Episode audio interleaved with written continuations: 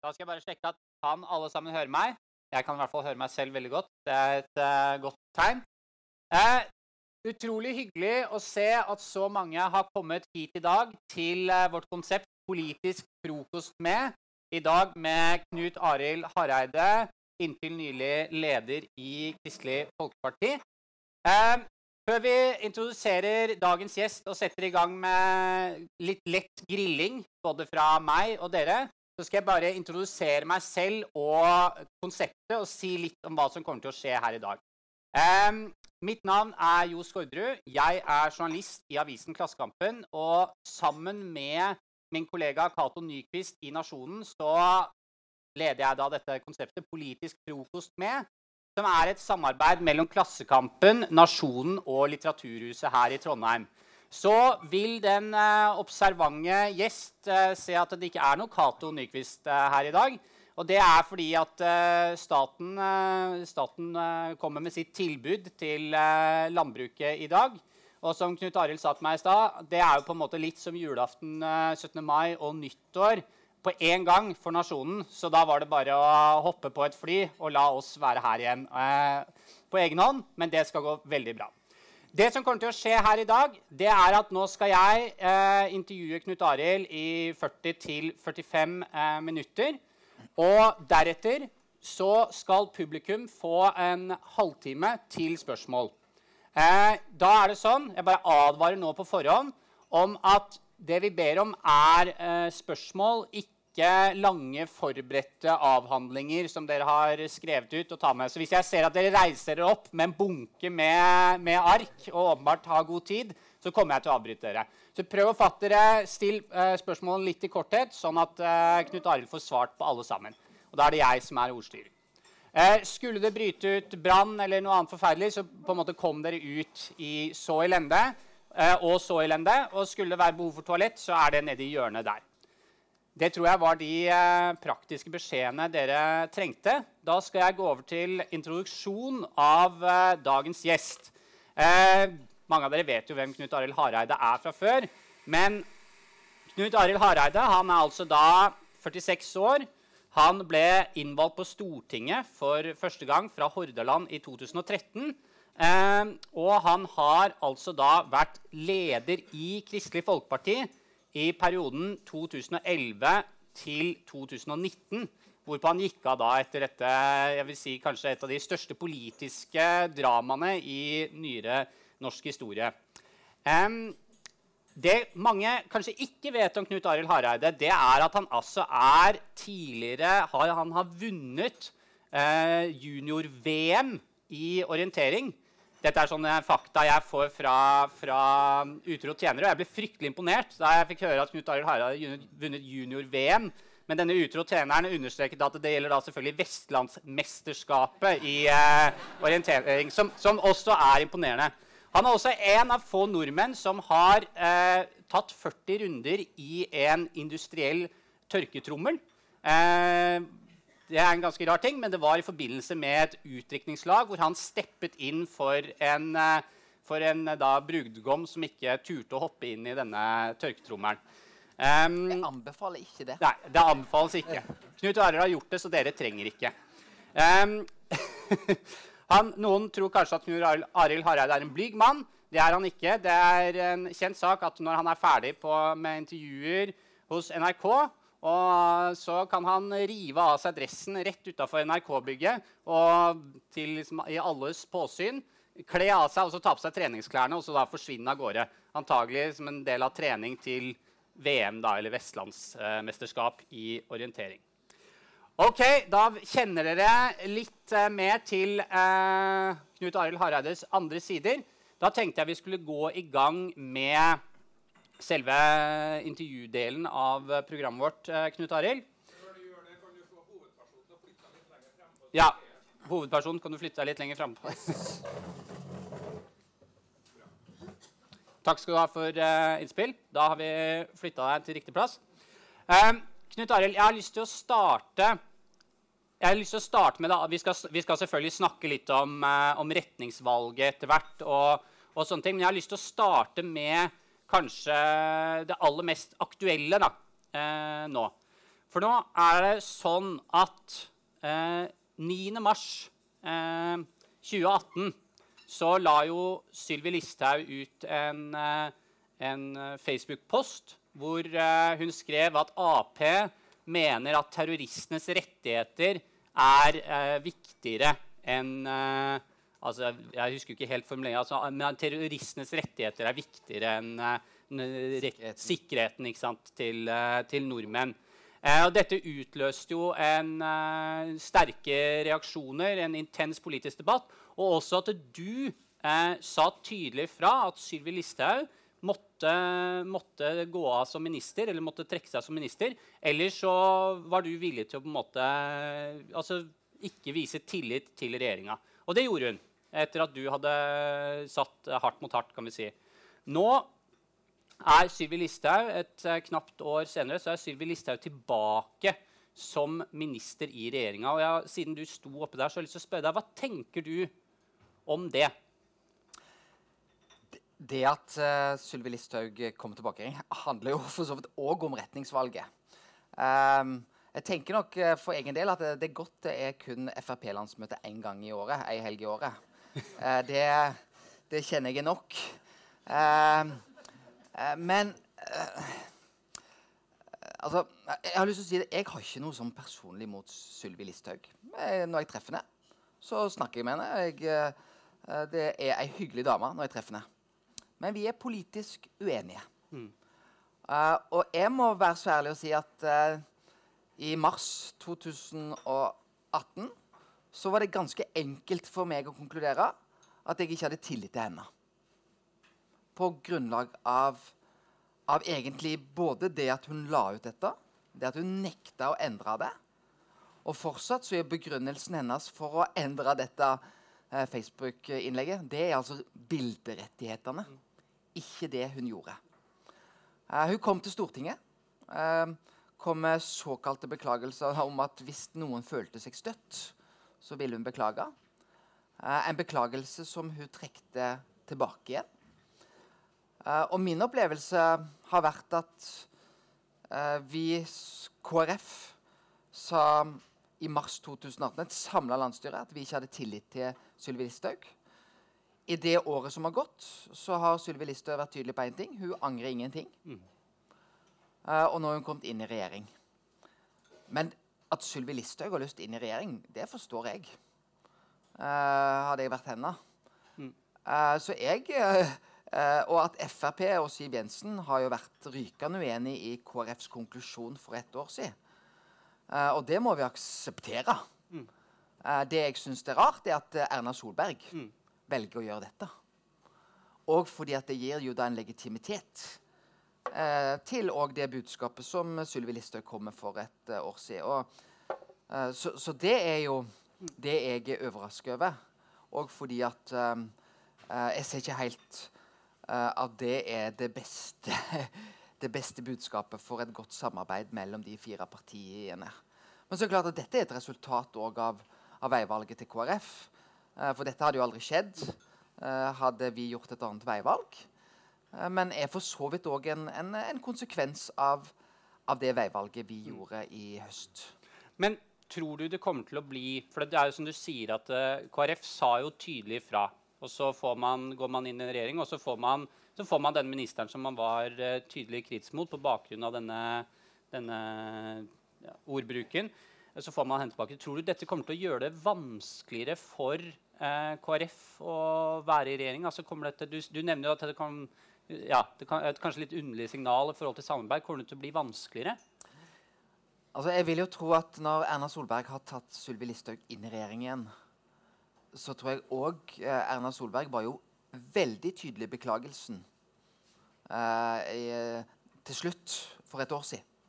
Både hun og Jan Tore Sanner var ekstremt tydelige på at dette skulle ikke ha skjedd. Dette var noe som var galt. Og jeg vil, sånn jeg kjenner Erna Solberg, så vil jeg vil nok være ganske trygg på at hun har forsikra seg om at Listhaug opptrer på en annen måte når hun nå kommer inn i regjeringen igjen. Um, for det, det, det, det, vil jo på en måte òg være krevende for Erna Solberg hvis vi nå skulle få en, en ny type sak uh, rundt uh, Sylvi Listhaug. det, det, er min tydelige forventning. Uh, for jeg tror ingen syns det ble greit, det vi opplevde for ett år siden. Og dette handler jo litt om ja, hva ordskifte vi skal ha. Og, og, det kan jeg si som politiker, så, så, er jo det en bevissthet som vi har mye sterkere nå. Og hvorfor det? Jo, fordi at eh, ja, eh, for ti år siden så, så hadde vi ikke den samme bevisstheten pga. sosiale medier. Og hvordan vi ser at vi som rollemodeller påvirker det. Det for, for, vi opplever jo som politikere hver eneste dag eh, angrep mot oss. Og, og, og, en del av det har vi valgt å være med i politikken, så tror jeg vi må leve med det. Men da tror jeg òg vi forstår at vi har et spesielt stort ansvar i hvordan vi kommuniserer. Fordi at sosiale medier gir oss et så tett innblikk til hvordan vi påvirker. Og det er klart at alt en politiker gjør, vil være akseptabelt mm. eh, innenfor sosiale medier. Eh, og Derfor så er det desto viktigere at vi bidrar til et eh, debattklima der vi viser respekt, og, og, der vi kan være rykende uenige, men der vi ikke angriper hverandre med karakteristikker, men der vi går faktisk på den politiske debatten. Og det ja. var jo det egentlig 2018-debatten i mars eh, til slutt handler om. Ja, men altså, vi, vi, skal jo snakke om, om Kristelig Folkeparti. Vi skal, ikke, vi skal, ikke, henge oss opp i, i, Fremskrittspartiet. Men Fremskrittspartiet er jo en, en, del av diskusjonen her. Fordi når eh, du tok ditt retningsvalg, så var det ganske tydelig for alle som, som leste boka di, og det var tydelig altså sånn, ut fra det du sa, at det handlet jo om at du ikke, det var Frp som var de du først og fremst ikke ønsket å sitte i regjering med. Hva, hva er det som er problemet ditt med, med Fremskrittspartiet, egentlig? Ja, altså, jeg har jo samarbeidet med Fremskrittspartiet. Jeg har funnet veldig mange politiske saker med Fremskrittspartiet. De, fra 2013 eh, og framover så, så, har jeg eh, hatt et konstruktivt samarbeid med Fremskrittspartiet i mange saker. Men for meg er det jo sånn at når jeg skal gå i regjering, så går jeg i regjering med de jeg opplever er nærmest meg. Og KrF er et sentrumsparti. Vi, vi, det er ikke alt vi er enige om i KrF, men det er vi enige om. Vi er et sentrumsparti. Og så fins det, som i alle andre parti, forskjellige forgreninger. Noen liker da bedre høyresida, noen liker bedre venstresida. Men for meg var det jo sånn, så vi gikk jo til valg både i 2013 og 2017 at vi ville samarbeide sentrum og det moderate Høyre. Men det sa det moderate Høyre nei takk til. De valgte da en ytterfløy. Og da syns jeg det er mest konsekvente for et sentrumsparti å si OK, det aksepterer vi. Det moderate Høyre velger ytterhøyre. Ja, hva gjør vi da? Ja, da snur vi oss andre veien og sier at da vil vi ha et sentrum og det moderate venstre. Det er på en måte logikken i, i det. Og så, så, er det jo noen som sier til meg ja, men, men kan du ikke heller se til hva du har fått sammen med Fremskrittspartiet? da? Og det må jeg òg være ærlig og si. Fremskrittspartiet har jo, har, har jo levert bistandsbudsjett som jeg har syntes vært bra. Eh, de, de, har blitt med på, eh, på, viktige saker for KrF, som lærernorm, som pleiepenger, så, som, som er viktig for oss. Men det er ikke naturlig for meg å velge regjeringssamarbeid likevel med, med de som står lengst vekke fra meg når jeg står i sentrum. Da er det naturlig for meg ja. å velge de som står nærmere meg. Jo, men, men, nå snakker vi ikke sant, om du i sentrum, og så har du liksom det moderate Arbeiderpartiet, nei, Høyre på, på, de andre sidene. Men, men, det jeg lurer litt på er sånn, hva er det med det du kaller da ytre høyre, som jo er en, en betegnelse som har ganske mange negative konnotasjoner for de fleste. Hva er det med ytre høyre Frp som gjør at de ikke er akseptable? Eh, eh, ja, det, har jeg lyst til å si at uh, Fremskrittspartiet er et akseptabelt parti. På samme måte som jeg sier Rødt er et akseptabelt parti. SV. Men jeg velger ikke å gå i regjering med dem. Og, og, min opplevelse når jeg satt og samarbeida, var at jeg, jeg vant mange slag. Og jeg var stolt når jeg gjorde et usosialt budsjett i 2014 mer sosialt. Når en har levert et, et, eh, et, klimabudsjett som ikke ble bra, til å bli et betydelig bedre. Mm.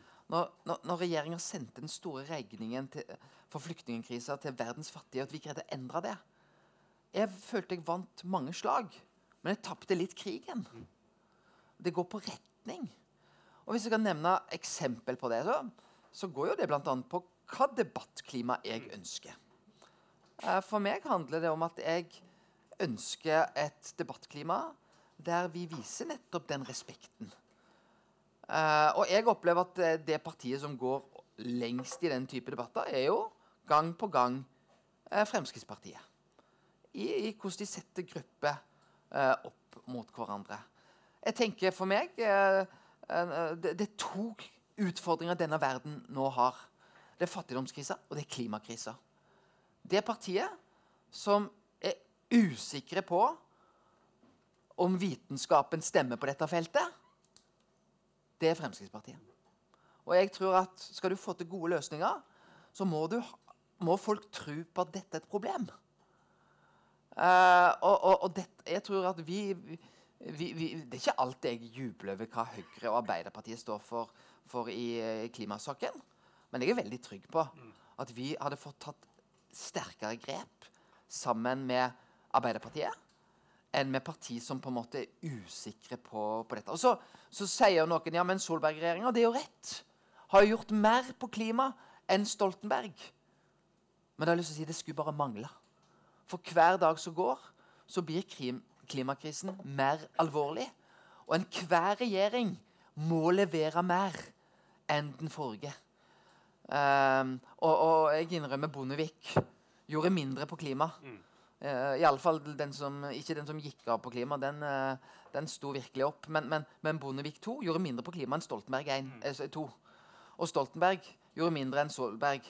Og den neste regjeringa som kommer, må gjøre mer enn den som sitter der.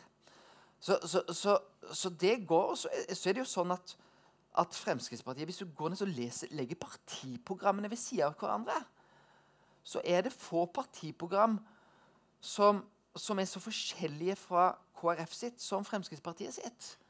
Ja, da må du kanskje på Rødt. Og, og derfor så blir ytterfløyene det vi ikke sier så brøler nei takk til, men sier høflig nei takk til. Og, og, og, det er, det er, det er den sånn naturlige tanken for meg. Og det, for det er, mange, det er mange som sier men hvorfor kan ikke du samarbeide med Fremskrittspartiet? Jo, jeg har samarbeida med dem. Men hvorfor skal Når du velger regjering, da velger du ekteskap. Og der mener jeg at du skal få lov til å velge sjøl. OK. Men eh, fordi nå er vi jo litt sånn Det er en naturlig bro til dette spørsmålet om, om retningsvalget. Fordi eh, dette her var noe som veide veldig, veldig tungt eh, for deg når du, når du valgte hvilken side du ønsket at KrF skulle eh, søke samarbeid med. Altså det, det du nettopp sier, eh, sier nå. Ja, og, og, og det er klart, jeg måtte jo i den tanken. fordi historisk, så hvis du ser KrFs historie, så tror jeg vår hovedmotstander i politikken var veldig lenge Arbeiderpartiet. Men er Arbeiderpartiet KrFs hovedmotstander i politikken i 2019? Nei. Sånn konkluderte jeg. Og det er, eh, og, og, og historisk sett så har det jo vært saker som som, som, eh, som, som på en måte har skilt KrF og Arbeiderpartiet. Men det er jo ikke de sakene som preger den politiske debatten. Og jeg tror at eh, KrF gjorde jo et retningsvalg høsten 2018 der det handler om verdier. Og det handler om hvilke verdier var det vi skulle på en måte si ja til. Um, så, så skal jeg være så ærlig å si at etter valget 2017 så følte jo jeg at eh, Jeg følte at eh, det var godt å lede et politisk parti som har som grunnverdi at du er 100% perfekt akkurat sånn som du er. For jeg følte meg ikke perfekt etter å ha leda partiet fram til 4,2% Et eh, elendig valgresultat. Men paradoksalt nok så litt sånn ufortjent så fikk vi en drømmeposisjon da i norsk politikk. Det å havne på vippen. Det å på en måte kunne lande de ulike sakene. Og jeg trodde da høsten 2017 at der skal vi bli. Vi skal bli i den posisjonen. Altså spille spille altså få maks utbytte Ja. Ja, Og jeg syns vi gjorde det ganske bra. første som kom, det var en budsjett der vi fikk på plass lærernorma. Audun Lysbakken var imponert. Eh, vi fikk på plass pleiepengesaken. Så kom eh, stortingsbygningen. Stortinget kan drive på med mye, men ikke la de drive og bygge egne bygg. Det, eh, en utbygging skulle koste 70 millioner. Havna på 2300 millioner. Og, og vi mente det måtte få en konsekvens. Harald Stanghelle sa KrF redda Stortingets ære alene. Så kom eh, Vi kan ikke ta alle. Ja, så kom Listhaug-saken, Ja. som òg folk syntes at vi håndterte godt. Men det jeg opplevde, var at folket syntes at vi var et parti som vingla. Noen ganger samarbeider vi med Erna, og noen ganger samarbeider vi med Jonas. Og folk følte vi vingla. Og eh, jeg følte vel litt òg at at jeg fikk på en måte Jeg ble litt tåkefyrsten. Mm. eller andre sa jeg ble tåkefyrsten, men jeg følte det var litt rett òg. Og at vi hadde behov for å gjøre et reelt veivalg. Så våren 2018, og i Listhaug-saken Og i løpet av sommeren 2018 så fant jeg ut jeg tror vi må gjøre et veivalg. Mm. Og når jeg hadde landa på at vi måtte gjøre et veivalg Det var den vanskelige beslutningen. Det var at KrF måtte gjøre et veivalg. Når jeg landa den, da var det veldig enkelt. Ja, det var enkelt. Ja, da var det enkelt. Ja. Fordi da for, for det første så var det noe om hva jeg hadde sagt til velgerne. Jeg hadde sagt til velgerne jeg kan garantere dere en regjering uten Frp i. Ja, som så sier dere Men du sa jo Erna Solberg. Ja, og jeg sa Erna Solberg. Hvis Erna Solberg velger KrF. Eh, og det var så Min lovnad til Erna Solberg var det et tydelig forbehold på Du må velge oss tilbake, Erna. Og det gjorde hun ikke. Men eh, jeg har aldri vært uh, partileder, og, og i hvert fall ikke et uh, kristendemokratisk uh, sentrumsparti. Så, så jeg vet liksom ikke helt hvordan disse tingene foregår. Men når du setter deg ned og gjør dette veivalget, i hvilken grad er det på en måte eh, sant, retorikken og den politiske motstanden, og i hvilken grad er det kalde, harde analyser av data?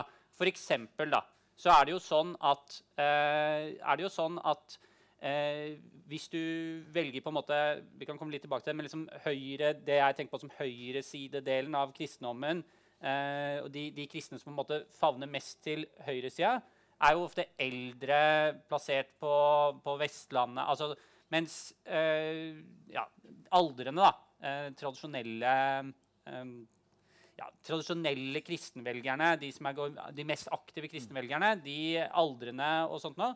Mens du har muligheten til å breie deg ut hvis du tar en litt mer liberal kristen profil. Er det sånn du sitter og tenker ok, greit, denne gjengen her, de kommer til å være døde om 15 år. Dem kan jeg ikke satse på. Denne gjengen her, ok, litt vanskeligere nå, men hvis jeg gjør det, så eh, Ja. Nå, nå hørte jeg at eh, du jo jobber i Klassekampen og ikke i Vårt Land. ja. Eh, fordi at Jeg skal være så ærlig og si at, at hva velgere var det jeg fikk Ja. da jeg nettopp gikk åpna opp for Arbeiderpartiet og Senterpartiet? For da kom det 3000 nye medlemmer. Det var ikke eh, Det var ikke eh, menn i 30-åra. Det var eh, kloke damer. 45, 55, 65. Ehm, som så, gjorde det. Men så, Kristen-Norge, det er og, og litt den der, hvis- du ser på aldersspennet til KrF, så skulle KrF vært borte fra norsk politikk i 1976. Fordi vi har alltid hatt litt eldre velgere. Men, men det er jo fordi at noen begynner å tenke KrF når de blir litt eldre. Uh, og det er det gode grunner for når du har fått tenkt deg godt om. Da lander du på KrF. Uh, men, så så det, der, der er det litt sånn, sånn spenn. Men, men det jeg tenkte uh, Fordi at jeg tror til ditt spørsmål Er det analyser? Ja. Er det hva verdier du mener er rett? Ja. Er det strategi? Ja. Altså det er en kombinasjon av alle de delene. Og når vi fikk et valg på 4,2% så visste jeg og, og kurven til KrF hadde vært negativ. Og, og, og, jeg har lyst til å si, Det var ikke bare valgkampen i 2017. For meg var det med enda mer alvorlig at valgkampen i 2015 Da leda jeg KrF, og vi ble kåra til valgkampvinner. Og vi har greid noe historisk. Vi ble kåra til valgkampvinner, og så gikk vi tilbake. Det har ingen andre partier greid. uh, og det viste nesten noe om at trenden var for utfordrende. Og da tenkte jeg vi er nødt til å gjøre en avklaring fordi vi spriker. Altså vi, eh, jeg følte litt at min lederjobb etter jeg tok over i 2011, det var å prøve å samle KrF. Det hadde vært en litt oppsplitta debatt. Inger-Lise Hansen, Dagfinn Høybråten, dere husker kanskje den runden. Eh, oppdraget mitt var samle partiet. Og jeg følte kanskje at jeg sam og, og, og vi lyktes i 2013-valget. Eh, og mitt oppdrag var å samle partiet. 2017, og da jeg forsto at vi ikke kunne bli i den posisjonen, så forsto jeg at da ble mitt oppdrag som partileder å gå foran så vi kunne ta et valg. Og det valget visste jeg. har lyst til å si det, det må være ærlig med, For det sier Kjell Ingolf òg. At med det retningsvalget så visste vi at noen ville takke høflig nei til KrF. Det ville òg noen gjort, hadde jeg vunnet. Min analyse var at med det retningsvalget jeg tok, så hadde vi betydelig potensial å hente nye velgere. Eh, fordi at i det segmentet, som jeg tror bl.a. Senterpartiet gjør det veldig bra i nå, så tror jeg òg mange er opptatt av nettopp den verdiretorikken som KrF har. Det, det, det har jo vært min frustrasjon som partileder. Jeg opplever egentlig ganske stor applaus til saker KrF står for. Men oppslutningen har dessverre gått jevnt nedover. Men, men det, det, jeg, jeg, jeg, husker, som jeg tror alle andre journalister i hele Norge, så fulgte jeg veldig spent med når, denne, når du lanserte sant, ditt retningsvalg. og sånt. Men jeg husker også at jeg ikke misunte deg eh, den posisjonen fordi det for meg, du, du, sier at du opplever at du fikk mye respons på den verdiretorikken KrF står for. Men for meg så er det ikke åpenbart eh, hvilken eh, plass et kristendemokratisk parti har i Norge i dag. Altså, jeg, ikke, jeg, skjønner egentlig ikke helt hvilke saker det er Kristelig Folkeparti skal eh, vinne mange velgere på, som de ikke kan få andre steder. Eh, altså sånn, hvis jeg er en, jeg er en beinhard på en måte Israel-venn, så finner jeg folk som er uh, sintere og mer Israel-venn enn en de er i KrF. Hvis jeg er på en måte eh, opptatt av flyktninger og fattige, så kan jeg like gjerne gå til eh, SV. Og hvis jeg er opptatt av miljø og, og skaperverket, så skal Miljøpartiet De Grønne ha, ha mye å gi meg. Altså, sånn, jeg, jeg, ser ikke helt hva som er KrFs liksom, særegne prosjekt. For det første så er det å si, det, det, Den problemstillingen som gjelder der, jo, gjelder jo mange partier. Sant? Fordi, ja, Er du miljøengasjert? Skal du da velge Venstre, KrF, MDG eller SV. Eh, er du opptatt av eh, forskjeller og, og, og, ulikhet, er det Arbeiderpartiet, SV, Rødt eh, en skal velge. Men, men, det som og, og, jeg tror for KrF så har jo vi saker som absolutt har vår tydelighet. Og som jeg tror det er appell til. Altså Jeg opplever ta, kall det, Når vi nesten sitter i den byen som Eh, som på en måte er kirkehovedstaden. Mm. Jeg tror jo nettopp de røttene som har prega landet vårt, mm. så, eh, som, som, en del av vår identitet, og en del av de verdiene vi står for Det er jo langt ute for å kalle det bedehusland. En er opptatt av at det er en arv. Mm. Vi må ta Olavsarven vi må ta mm. vare på. Og der KrF går foran på det. Jeg tror det er så i synet på menneskeverdet Eh, men da må vi få den type debatter inn på kall det KrFs banehalvdel. For jeg tror det er mange jeg, som er opptatt av, av det respekten for livet. Eh, ta, ta, ta, nå, nå, ser jeg at f.eks. Eh, jeg tror to tredjedeler av det norske folk sier ja til aktiv dødshjelp. Er det en så enkel debatt, egentlig? Hva, hva signal sender vi til de som til, til, på en måte eh, eh, Har du en verdi bare det å være et menneske? Eller begynner vi på en måte å, å sende noen signaler om at du har en verdi så lenge du leverer noe, og er til nytte, såkalt samfunnsnytte? Eh, et, Metoo-debatten, da. Det handler jo egentlig om noe kall det, ja, noen vil si moral. Jeg vil si Det handler om anstendighet. Det er jo ikke noe vanskelig å opptre skikkelig mot dine med... Altså, det, det, det er jo et kjempemulighet for KrF. Alkoholpolitikken. Eh, så, så jeg tror at KrF absolutt har en tydelighet, men, men jeg tror at Og det er få partier som egentlig har egentlig den tydeligheten som KrF, men det ble utydelig når jeg i hver eneste debatt i 2017 fikk spørsmål Erna eller Jonas. Og folk følte Eller folk følte jeg svarte det. Altså, jeg svarte jo så uklart at, at jeg måtte å være uh, teolog for å forstå hva jeg være. Eh, og det, det er ikke nok altså, Og det, det ble jo utfordringen. Så, så, så, så ja, det er jo ikke alt som er glassklart rundt SV.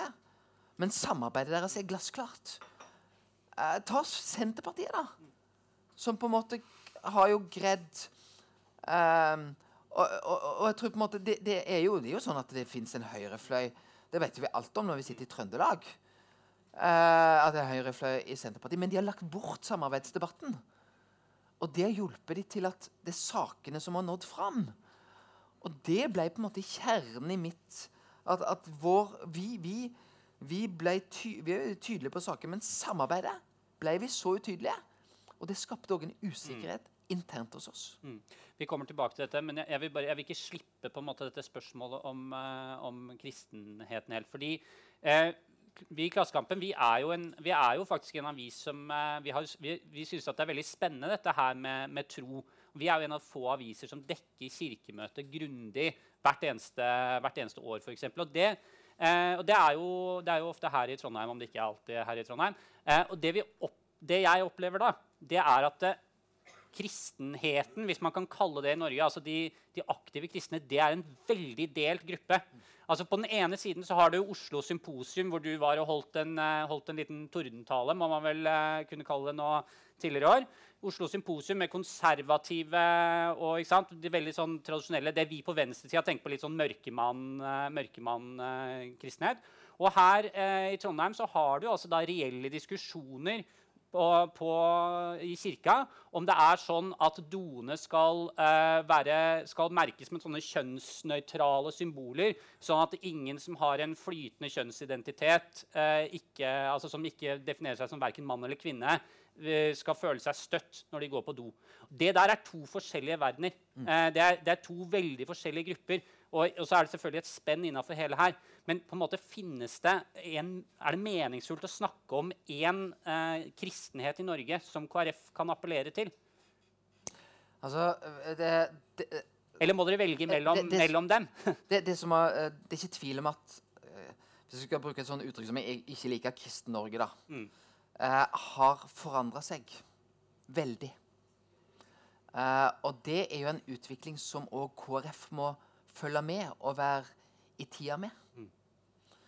Uh, og det er jo sånn at Men, men det, er, det, er, jo likevel fordi at uh, i, i, i, syn som, som uh, I debatter som homofili så har det jo skjedd en kjempeendring. Du nevner Israel. Mm.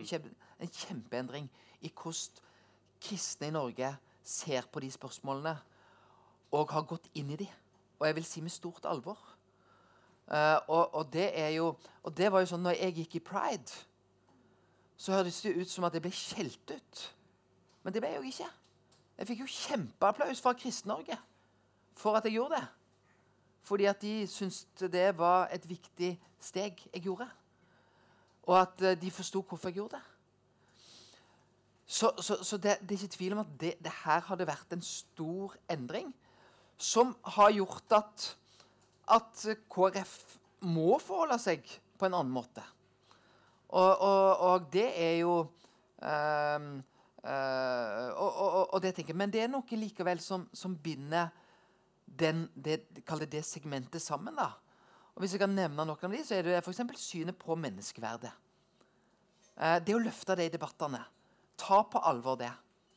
Jeg tror den arven som vi snakker om, eh, det, det, er jo noe som, preger det. Jeg tror debatten om altså Bibelen Det du gjør mot en av våre aller minste, det gjør det mot meg.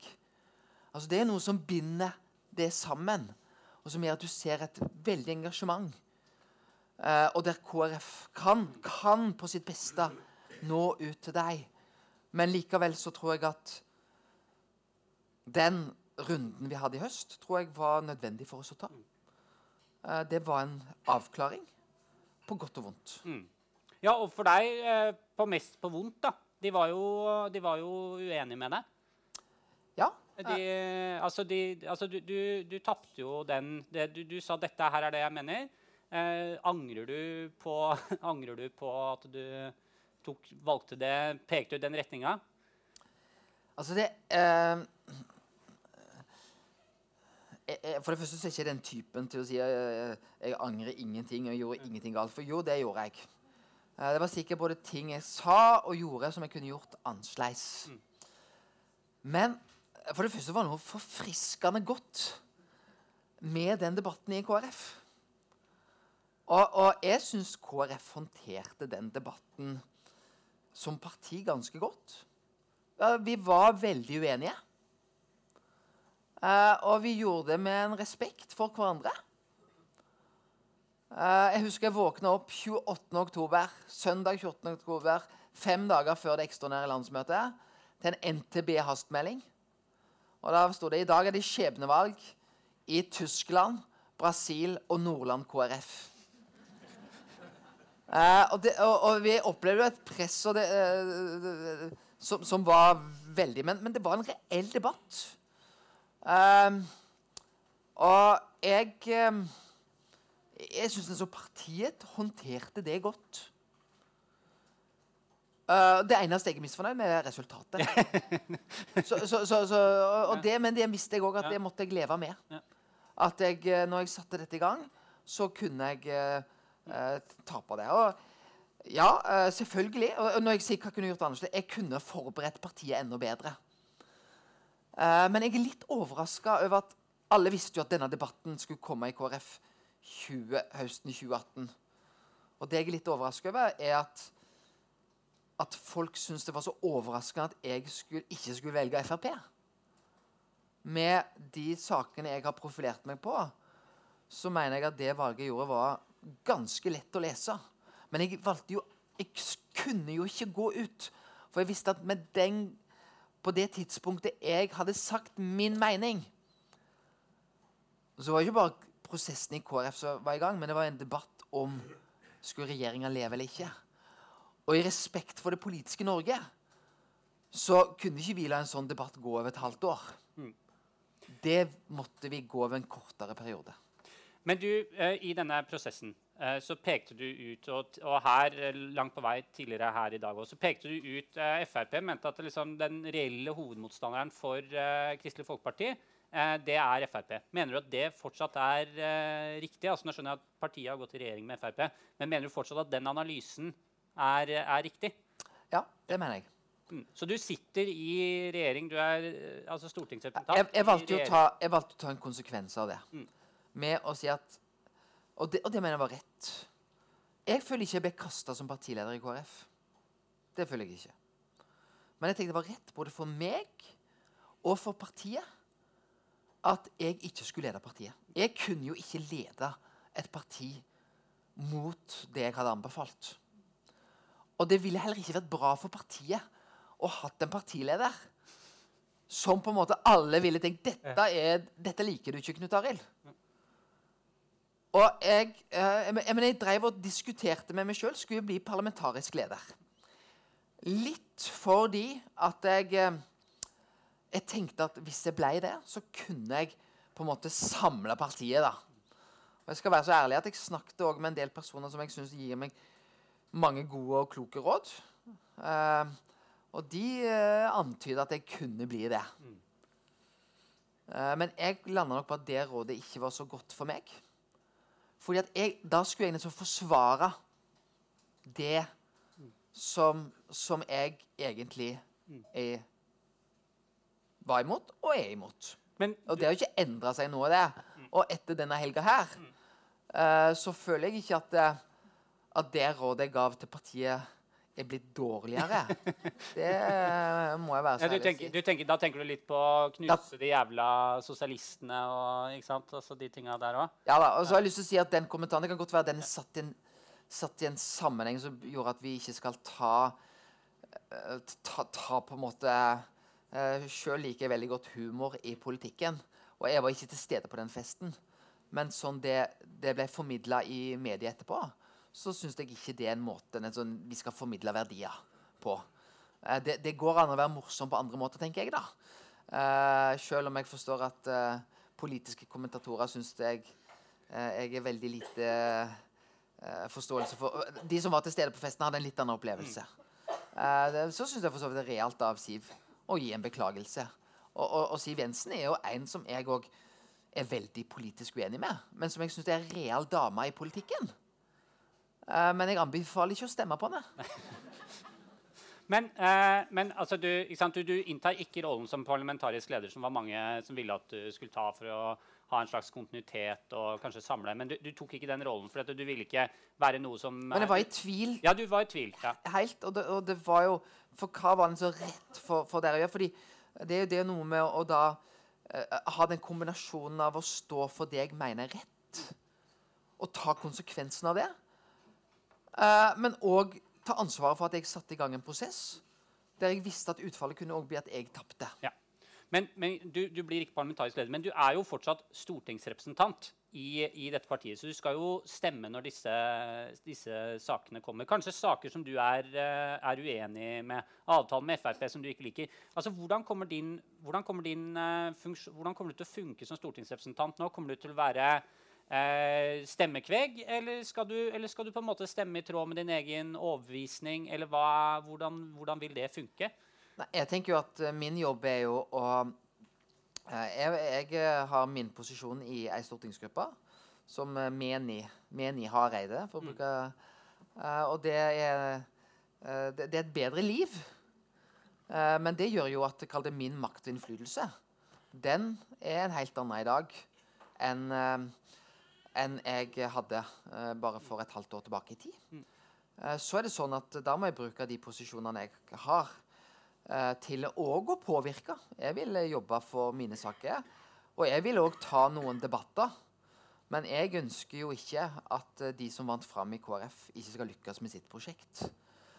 Og det må jeg òg ta ansvar for. Jeg kan ikke være en som løper støtt og stadig eh, med krokfot eh, på det prosjektet. Det ønsker jeg ikke å gjøre. Og så, så er det noen debatter som for meg er viktige. Eh, da er bl.a. den debatten som snakker om om kall det anstendigheten i den politiske debatten. Der har jeg hatt et tydelig stemme. Det kommer jeg til å fortsette til uh, å være. Det, det må være. Og så har jeg fått et ansvarsfelt. Uh, derfor har jeg vært tydelig rundt uh, IS-barna, som på en måte er mitt ansvarsfelt. Men, men nå har KrF fått en ny partiledelse. Det må jeg akseptere. Jeg må innta en annen rolle. Mm. Det var en konsekvens ved det valget.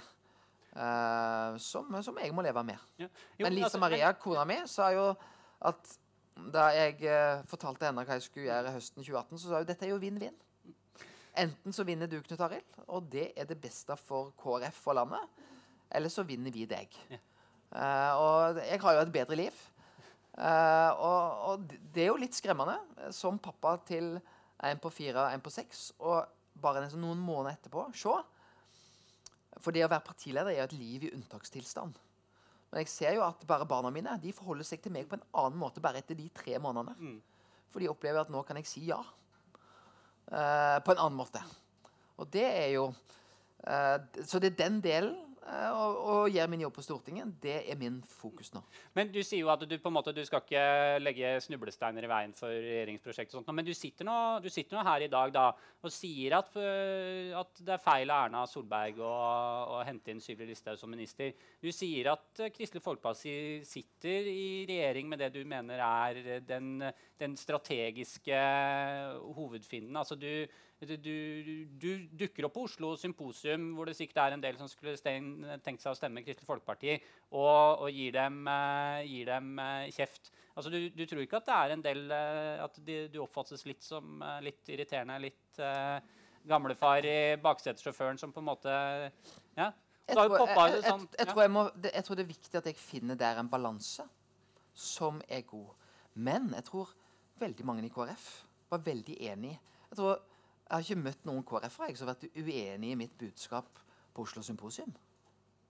Det er jeg å si at, og, og, det tror jeg òg. Det er ikke bare Sylvi Listhaug som har prega mitt retningsvalg. Jeg tror Trump òg preger det.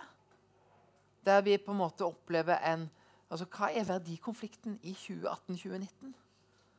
Uh, eh, og der er jo Trump et tydelig bilde på det. Um, og, og, og, jeg tror òg at um, begeistringen for at Sylvi altså Det var jo et enstemmig landsstyre mm. som sa at vi ikke hadde tillit til Sylvi Listhaug. Og på det året så har altså hun gjentatt at hun ikke angrer noe som helst.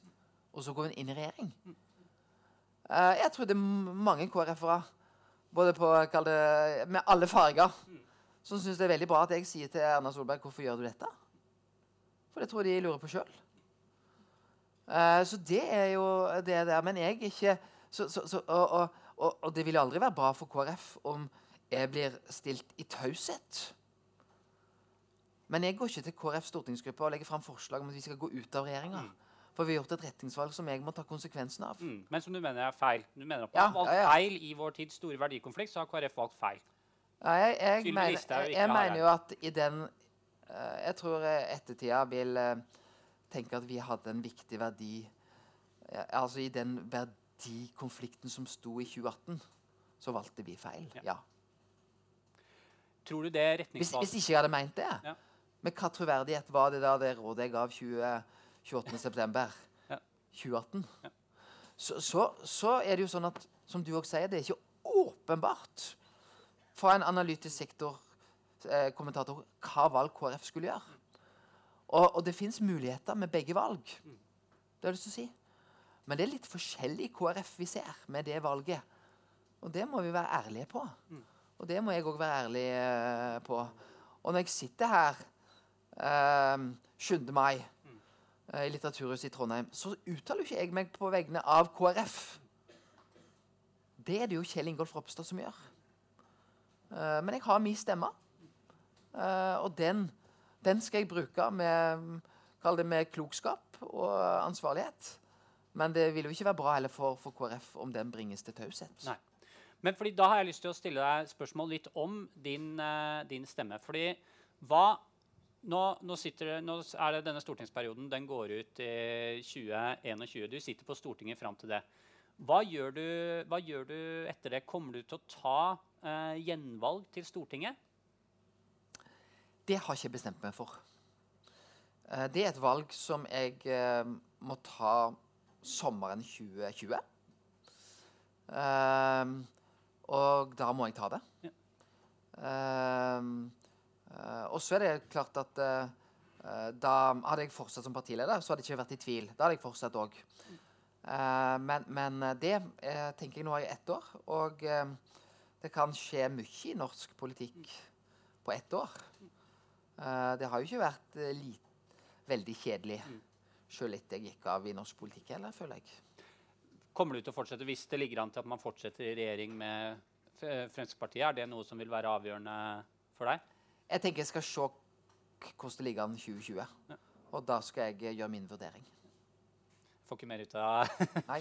Ok, eh, det har oppstått, Nå skal jeg snart slippe til publikum. Det er veldig hyggelig at jeg får lov til å låne deg, men vi skal slippe til publikum også. Men det har, eh, etterkant av retningsvalget så har det kommet et, et nytt miljø, Drivkraft, eh, som har oppstått som en slags for å ivareta arven fra det de, ivareta arven fra engasjementet fra prosessen Knut Arild Hareide starta. De fikk for øvrig 33% flere medlemmer i løpet av helgen som følge av DIV, utspill fra regjeringspartner eh, 33% altså ikke 33 nye medlemmer, 33% flere medlemmer, som følge av div utspill fra regjeringspartner Frp. Eh, og det at man har dette her miljøet, eh, og det at du snakker såpass fritt eh, som du gjør, det får meg til å lure på er denne her eh, omkamp, eller er dette vedtaket, dette retningsvalget, er det endelig, eller er det sånn at eh, det er åpent for omkamp? Helt, hvis, hvis ingenting skjer, så vil, vil det ligge fram til 2021. Ja. Det, det er min forventning. Eh, partiet gjorde det retningsvalget fordi vi skulle være best mulig rusta mot valget i 2021. Eh, så vet en aldri hva som skjer i norsk politikk. Eh, så, så, måte, så det er min forventning. Men det er jo ikke gjort et retningsvalg for evigheten. Og det tror jeg òg at mange eh, som støtter meg, sier jeg blir i partiet. Fordi at ja, dette er et valg fram til 2021. Da kan et valgresultat faktisk bringe KrF inn i en annen konstellasjon, i en gitt situasjon. Um, men, men, men jeg tror eh, Jeg eh, tenker jeg, og, jeg har liksom tatt konsekvensen. Ikke noen omkamp, ingen endring fram til 2021.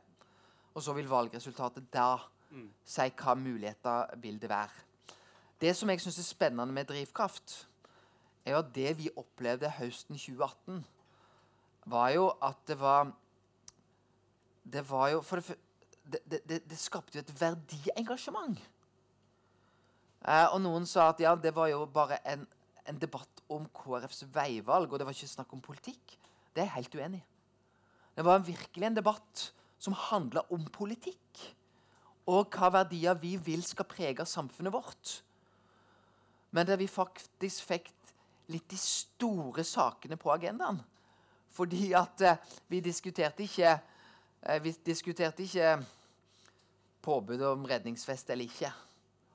Men det ble på en måte de store linjene i politikken. Og hva verdier som skal prege. Og det er jo det Drivkraft ønsker å løfte videre, og som de gjør på en veldig god måte. Eh, og det tror jeg eh, Jeg tror jo mange av de som har valgt å engasjere seg der, er jo fordi de har følt at plassen Fordi KrF har endra seg. Eh, og det må vi innrømme. Eh, og da har noen følt at da er drivkraft enda bedre hjem for de. Eh, og at de løfter eh, verdidebatter som, som er, er viktig for vår tid. Og at man er klar for, eh, har et apparat for omkamp når eh, den eh, muligheten byr seg. Det, er ikke tvil om at, eh, at eh, for så vidt alle partier har fraksjoner. Uh, har ulike stemmer og identitet. Og det tror jeg uh, de fleste partier skal være glad for. For hvis ikke så ville de vært, uh, vært uh, svekka. Og det har jo vært Kjell Ingolf Ropstads sterke ønske om å få flest mulig med seg videre i partiet. Og det er jo mitt råd òg. Bli med videre i partiet. Uh, vær, vise et engasjement uh, rundt det. Uh, men, men, uh, og, og, og jeg har lyst til å si at når jeg, når jeg nå har vært tydelig i noen saker, uh, bl.a. Listhaugs statsråd, så, så er det ikke sånn at det er bare min, de som støtter meg i høst, som, som syns det er bra. Det er jo bredden av KrF som, som sier at det er bra at du sier nettopp det. Jeg vet hva, Vi stopper der. Tusen takk for at jeg fikk lov til å låne deg i min tilmålte tid. Knut Arild Hareide. Eh, da skal vi åpne for eh, spørsmål fra salen. Er det noen som vet at de har et spørsmål? Ja. Da rekk hånden i været på den gode, gamle måten, og så fører, jeg eh, taleliste. Skal vi se, Da har jeg en her nede. Jeg blir nødt til å kalle dere sånne ting som rød genser, blå genser og, og sånt noe. Da skal vi ha rødkledd jævla sosialist nedi. og så deretter så er det blå genser med noe klimabøtten. Hadde vi et uh, mikrofon her? Her kommer det en mikrofon. Så er det bare å tegne seg uh, hvis man uh, har noe på hjertet. Der, ja. Ja, kanskje jeg skal reise meg opp, da. Eh, du har snakka veldig mye om eh, verdier, Knut Arild. Og det skal jeg gjøre òg. Eh, men jeg skal ikke si noe masse, altså. Men klima og miljø en av de store tingene. Det har du sagt. Og i går kveld satt jeg og leste meg opp på ideologi og verdigrunnlaget deres. Og der står det veldig mye bra. Det står om forvalteransvaret for jorda. Eh, det bør alle sammen gå inn og lese, for det er nyttig lesning. Men så leste jeg også om den politikken, den praksisen, som Kristelig Folkeparti da har. Og da er jo spørsmålet om olje en av de store tingene. Det som skjedde på landsmøtet nå, var jo én ting. At uh, ungdommen ble nedstemt. Men uh, dere vil altså fortsette den samme oljepolitikken som regjering og mange andre partier også vil ha. Men det jeg er opptatt av, det er grunngivinga for det der. For det dere sier, er at velferdsstaten bare kan opprettes gjennom å pumpe opp mer olje. Spørsmålet mitt til deg blir da hva du synes om det at Kristelig Folkeparti, med det verdigrunnlaget dere har, altså setter fem millioner nordmenn foran forvalteransvaret for jorda. Det syns jeg er kjemperart. Kan du gi noe svar på det? Jeg synes Det er et veldig godt spørsmål. fordi jeg tenker, Er det noe som eh, preger KrF, så er det en tydelig ideologi på det vi, vi bruker forvalteransvaret. Eh, og da tenker jeg klima og miljø er en av verdens to store utfordringer i dag.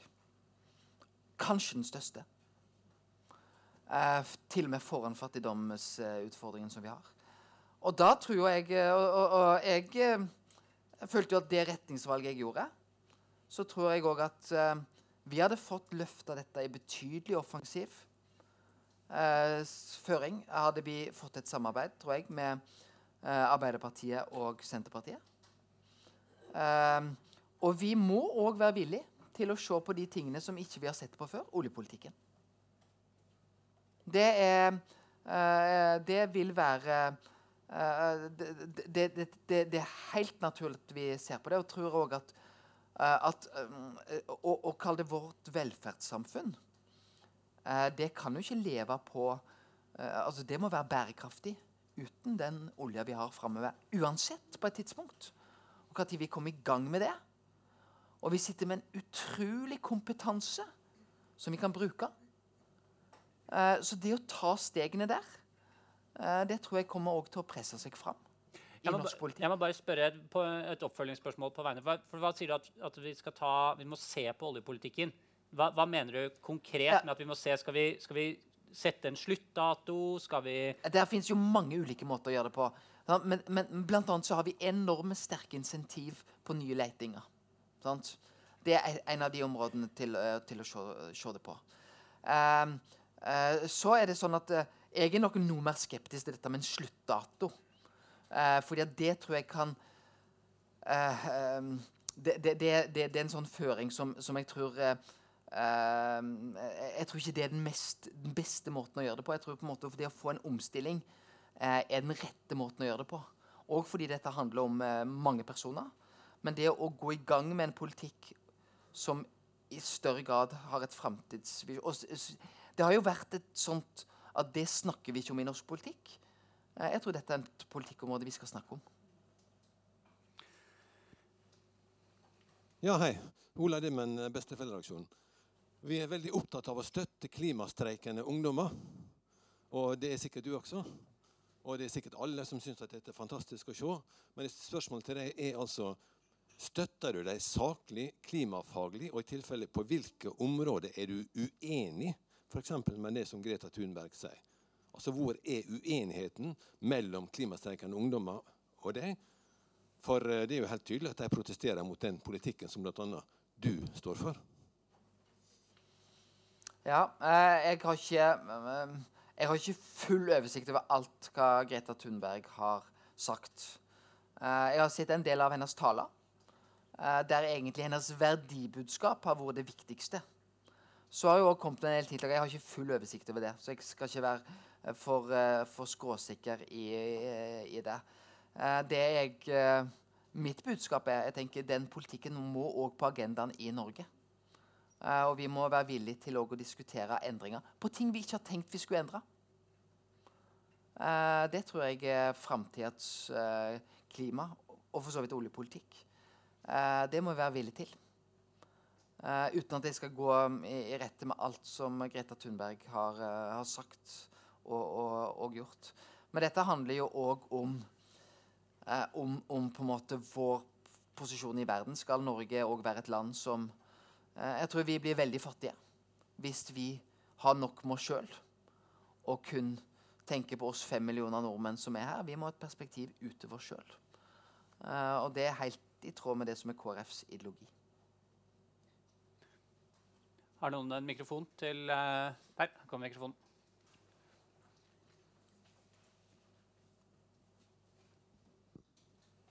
Ja, hei. eh, Odd Andersvitt, tidligere nestleder i KrF, nå utmeldt og nestleder i Drivkraft.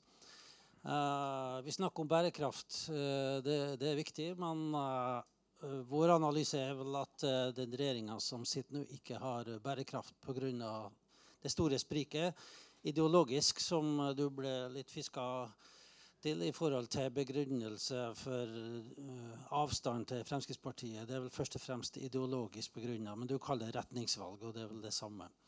Eh, mitt spørsmål er Du sa i et av svarene at, eh, at prosjektet antagelig må holde seg til eh, 2021. Men det kan jo forhåpentligvis skje ting som følge at samarbeidet ikke har bærekraft. Eh, KrF kan sprekke, samarbeidet kan sprekke, KrF kan gå ut, eh, Frp kan gå ut.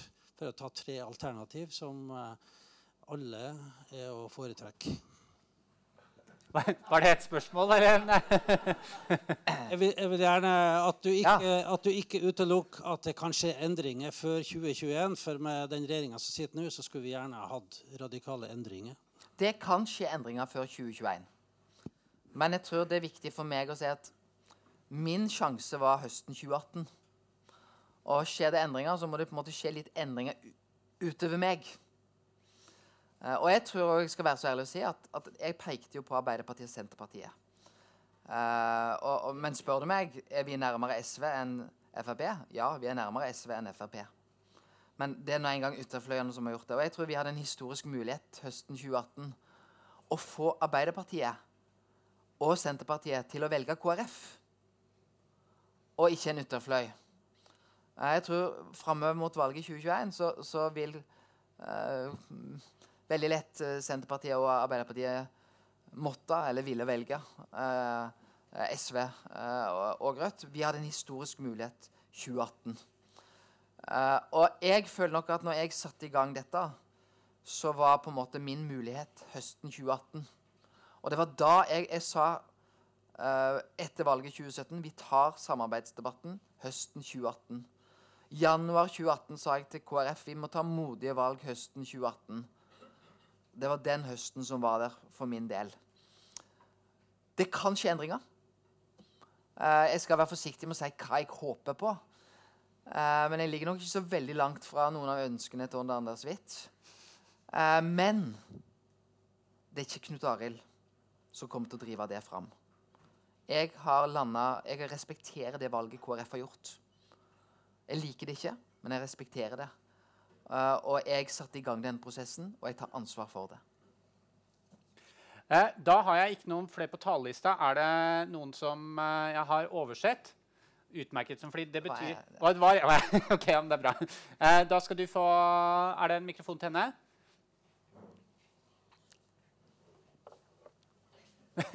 Bare finne Ja. Anna Lina Holmete, meldes KrF. Stiller ikke på liste til høstens valg pga. retningsvalg. Men klima og miljø er så takknemlig for at vi har besteforeldreaksjon her. Um, um, jeg lurer på uh, Hvis nå KrF skulle gjøre et bedre valg, altså velge den andre sida ved neste stortingsvalg. Altså, det er jo en drøm, da, selvfølgelig. Vil vi da se en eh, klimapolitikk som er, vil ta oss dit eh, Parisavtalen mener at vi må? Ja, takk. Jeg argumenterte i høst for at vi burde gjøre et valg, et klimavalg. Og min åpenbare analyse var at å samarbeide med partier som tror på det vitenskapen sier på klima, ville gitt en bedre politikk. Så skal jeg være forsiktig med å si hva hadde vi greid med da eh, Arbeiderpartiet og Senterpartiet og eh, med et SV som hadde stått i Stortinget. Men jeg tror at det resultatet ville vært mer offensivt på klima enn den firepartiregjeringa som sitter i dag. Eh, og det handler litt om, litt om historikken. at jeg tror For hver regjering som kommer, så tar vi nye offensive steg. Og jeg tror også den type politikk som jeg blir utfordra på her, som på en måte har vært litt sånn det er Samme hva regjering som sitter. Hvis jeg skal bruke et eksempel, ja, Samme hva regjering som sitter, så tror jeg EØS-avtalen ville bestått. Det.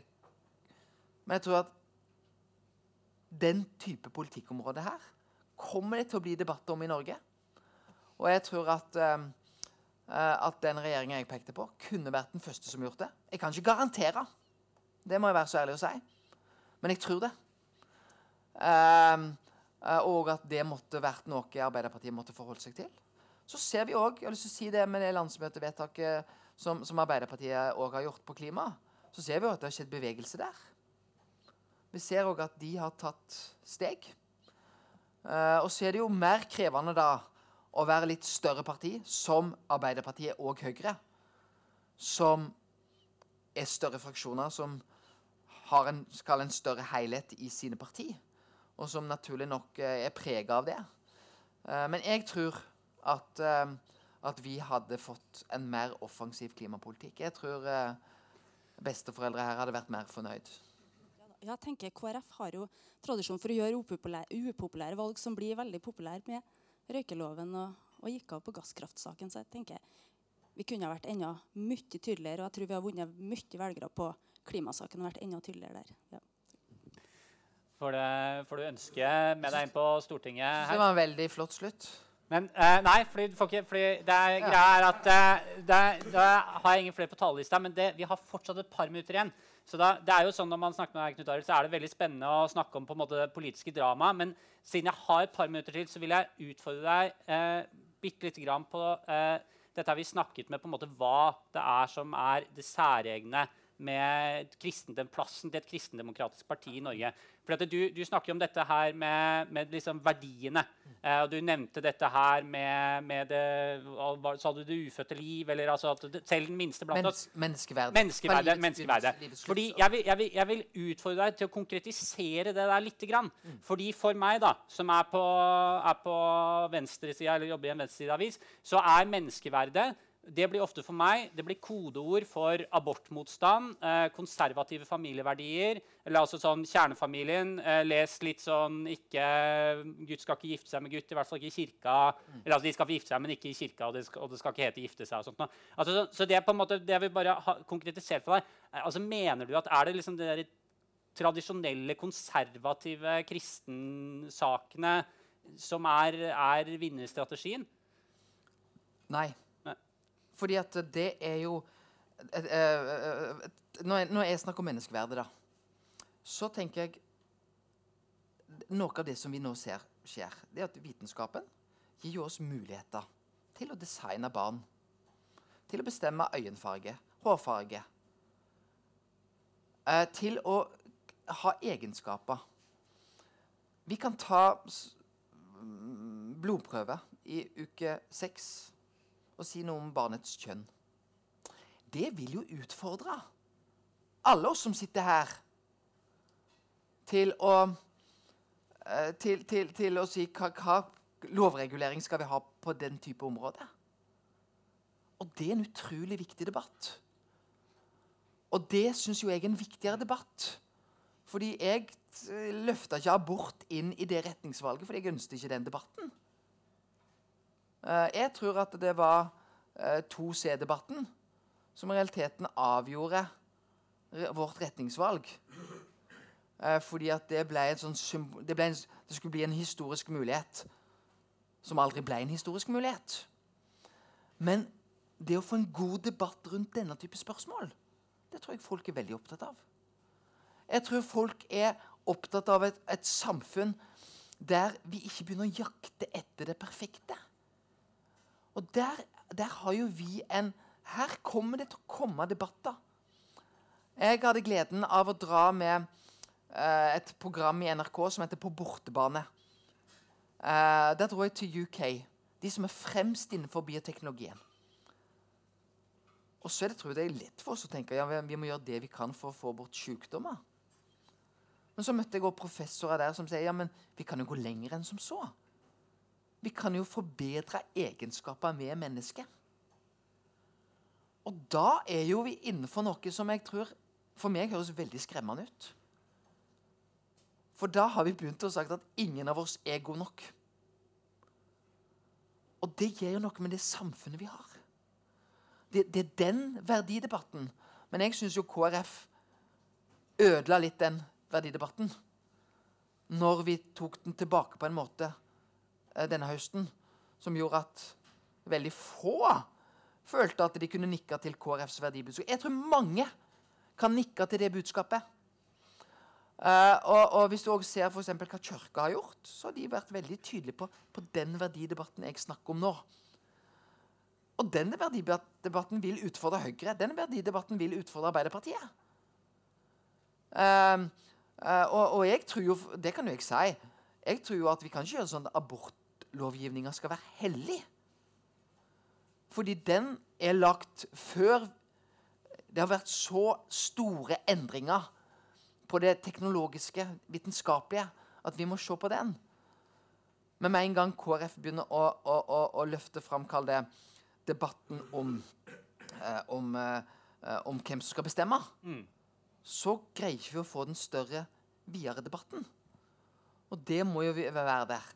Eh, og der tenker jeg der, er- der, er- dette er muligheter for KrF. Hvis vi treffer det på en rett måte. Og, og, og hvis vi, vi sikrer det. Men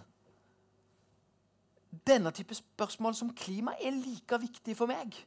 Og når jeg snakker om kristne verdier, så er klimadebatten like viktig. Og det er ikke sånn at det er noen få spørsmål som definerer KrF. Klimadebatten er kjernen av de kristne verdiene. Og det må vi ta på alvor. Og hva er den store verdidebatten når vi står fast på de kristne verdiene i 2019? Men det er jo klimadebatten. Det handler om skaperverket vårt. Og det var jo det en hadde lest seg opp på her. Så det må ikke bli sånn at KrF, når vi snakker om, om, om verdisaker, så er det noen få utvalgte spørsmål. Nei, det er bredden av det. Og det var noe av det jeg syns vi greide å få fram glimt av høsten 2018. Og som gjorde at jeg opplevde en begeistringsbølge. Eh, som Og den gikk jo egentlig helt til abortdebatten kom. Og KrF gikk opp på meningsmålinger helt til abortdebatten kom. Eh, den rette abortdebatten tror jeg òg kunne vært positiv for KrF. Men da måtte det vært den debatten som, som kunne skapt forståelse for kall det menneskeverdet. Eh, og, og hva utfordringer vi som samfunn møter. Det tror jeg er en utrolig spennende debatt. Men det er en vanskelig debatt. Eh, og, og, og jeg har lyst til å si det, det er ikke sikkert at alle svar her heller handler om lover og regler. Det kan være bevissthet til unge mennesker som får barn. Og sier hva barn skal, skal vi velge bort barn etter egenskaper? Eller skal vi si nei, jeg ønsker det mangfoldet? Og da er det utrolig viktig at vi som samfunn stiller opp eh, på beste måte for de som tar de modige valgene. Da er vår tid eh, rett og slett ute. Eh, tusen takk til deg, Knut Arild Hareide, for at du kom hit i dag.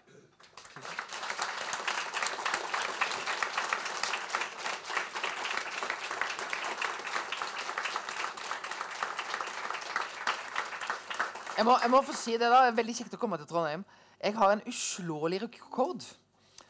Eh, det er jo noen partier som har faste landsmøte i Oslo og Gardermoen. Men så er det en del partier de har jo da velger for ulike byer.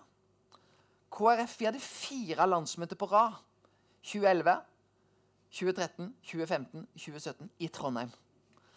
Så jeg er en av få der som er valgt bare ett sted utenfor Oslo, og det er Trondheim. Jeg burde forstått at når jeg la landsmøtet til 2019 til Stavanger, så kunne det gå galt. Ja, det var der det, var der Det var der det skar seg. Ja, Det var ekstra kjekt å komme til Trondheim. Ja. Eh, da vil jeg bare si eh, Da vil jeg takke av Knut Arild. Jeg vil takke av eh, Jeg vil si tusen takk til alle dere som møtte opp. Det Bare følg med på Litteraturhuset sine hjemmesider. Det blir nye politiske frokoster. Ikke med Knut Arild Hareide. Neste gang så tror jeg Abid Raja kommer. Det skal jeg love dere kommer til å bli ikke kjedelig. Det blir ikke kjedelig. Det kan vi garantere. Det er alt vi vet. Um, og så uh, sier vi på vegne av Klassekampen, Nasjonen som ikke var her i dag, og Litteraturhuset i Trondheim, som dere på en måte sitter inne i, takk for oss. Ha det bra.